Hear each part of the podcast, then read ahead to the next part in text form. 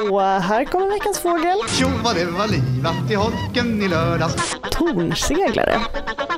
Nu är det ju senvår eller försommar eller vad vi ska kalla det. Och då kan vi lyfta blicken eh, och spana efter och lyssna efter det som är en av mina absoluta favoritfåglar som, som fascinerar mig väldigt mycket och som också är en riktig sån här sommarbudbärare och det är tornseglaren. Ja, nu har vi lämnat de här vårtecknena bakom oss och spanar sommartecken i fåglar, eller? Ja precis, man Mm. tröttnar ju snabbt på årstiderna så att, eh, så att när våren har kommit så, så man vill ju hela tiden att det ska bli varmare Mm.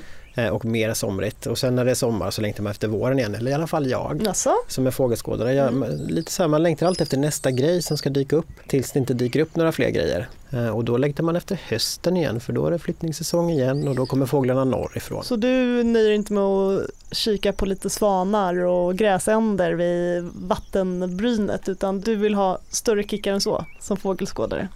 Helst vill jag gärna det men också känslan av att det, att det är rörelse i naturen, att det, att det Mm. händer lite saker. Den här förändringen den, den, tycker jag om och det är ju det som gör våren och hösten är ju förändringens årstider. Mhm.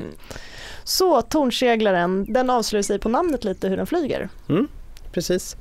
Förr så sa man tornsvala om den här. Och det säger lite grann om hur fågeln ser ut och lite grann om hur den beter sig. Eh, men sen är det faktiskt inte en svala utan det är istället en, en seglare. Eh, och eh, seglare då, det är fåglar som är på vingarna i princip hela tiden. Tornseglarna i Sverige, de landar i princip bara för att häcka. Så att de kommer till Sverige från Afrika och de har funnits liksom i lufthavet hela tiden och jagat insekter. Så kommer de upp till oss i maj månad så börjar de häcka under takpannor eller hål i trästammar eller vad det nu kan vara. Där föder de upp sina ungar eh, men sen när de väl är klara med det och häckningen är färdig så, så lyfter de och då kan de faktiskt vara på vingarna hela tiden tills de kommer tillbaka och häckar nästa gång. Vadå, så att de i ett år så landar de aldrig? Nej, precis. De driver runt då, eller seglar runt eller vad man ska säga. Och det är väl också lite med namnet seglare då, att de, de eh, seglar runt i lufthaven eh, och jagar insekter och skjuts ofta runt av olika vädersystem och sånt där. Så att om det i övervintringsområdena drar ihop sig till någon storm eller något liknande så kan det komma en, en våg med seglare innan då som, som trycks fram då. Och som jag förstått att de sover i luften också. Mm, precis. Jag Eh, trodde så- jag bara valar var de som simmade och sov samtidigt men det, det finns i eh, fågelvärlden också. Mm, det gör det.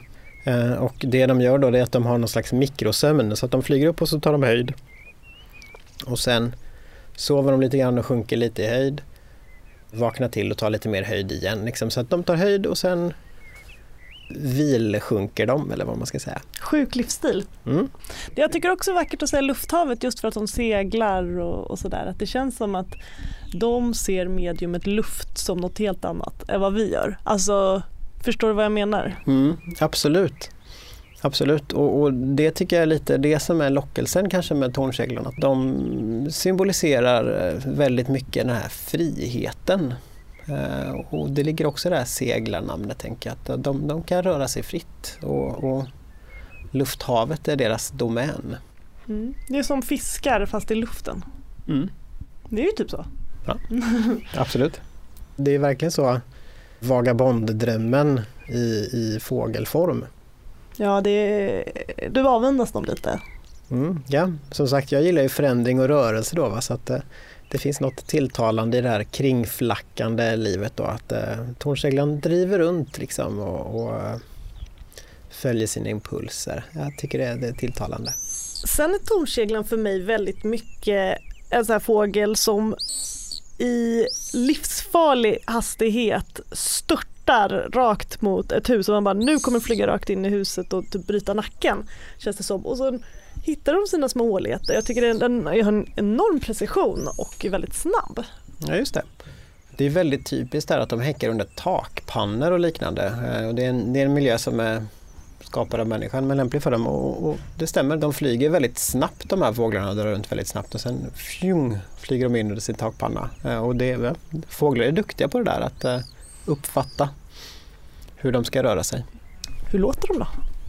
De har ett slags skriande läte. Och för mig är det framförallt också det som gör tornseglaren till en sommarfågel. Att de låter kanske inte riktigt lika mycket när de är precis nyanlända men, men eh, de drar ofta runt i de här i grupper så på sommaren och så, så skriar de på det här typiska sättet som, som jag tror om du lyssnar här så känner du igen det här. Det är, det är så här klassiskt sommarkvällsläte.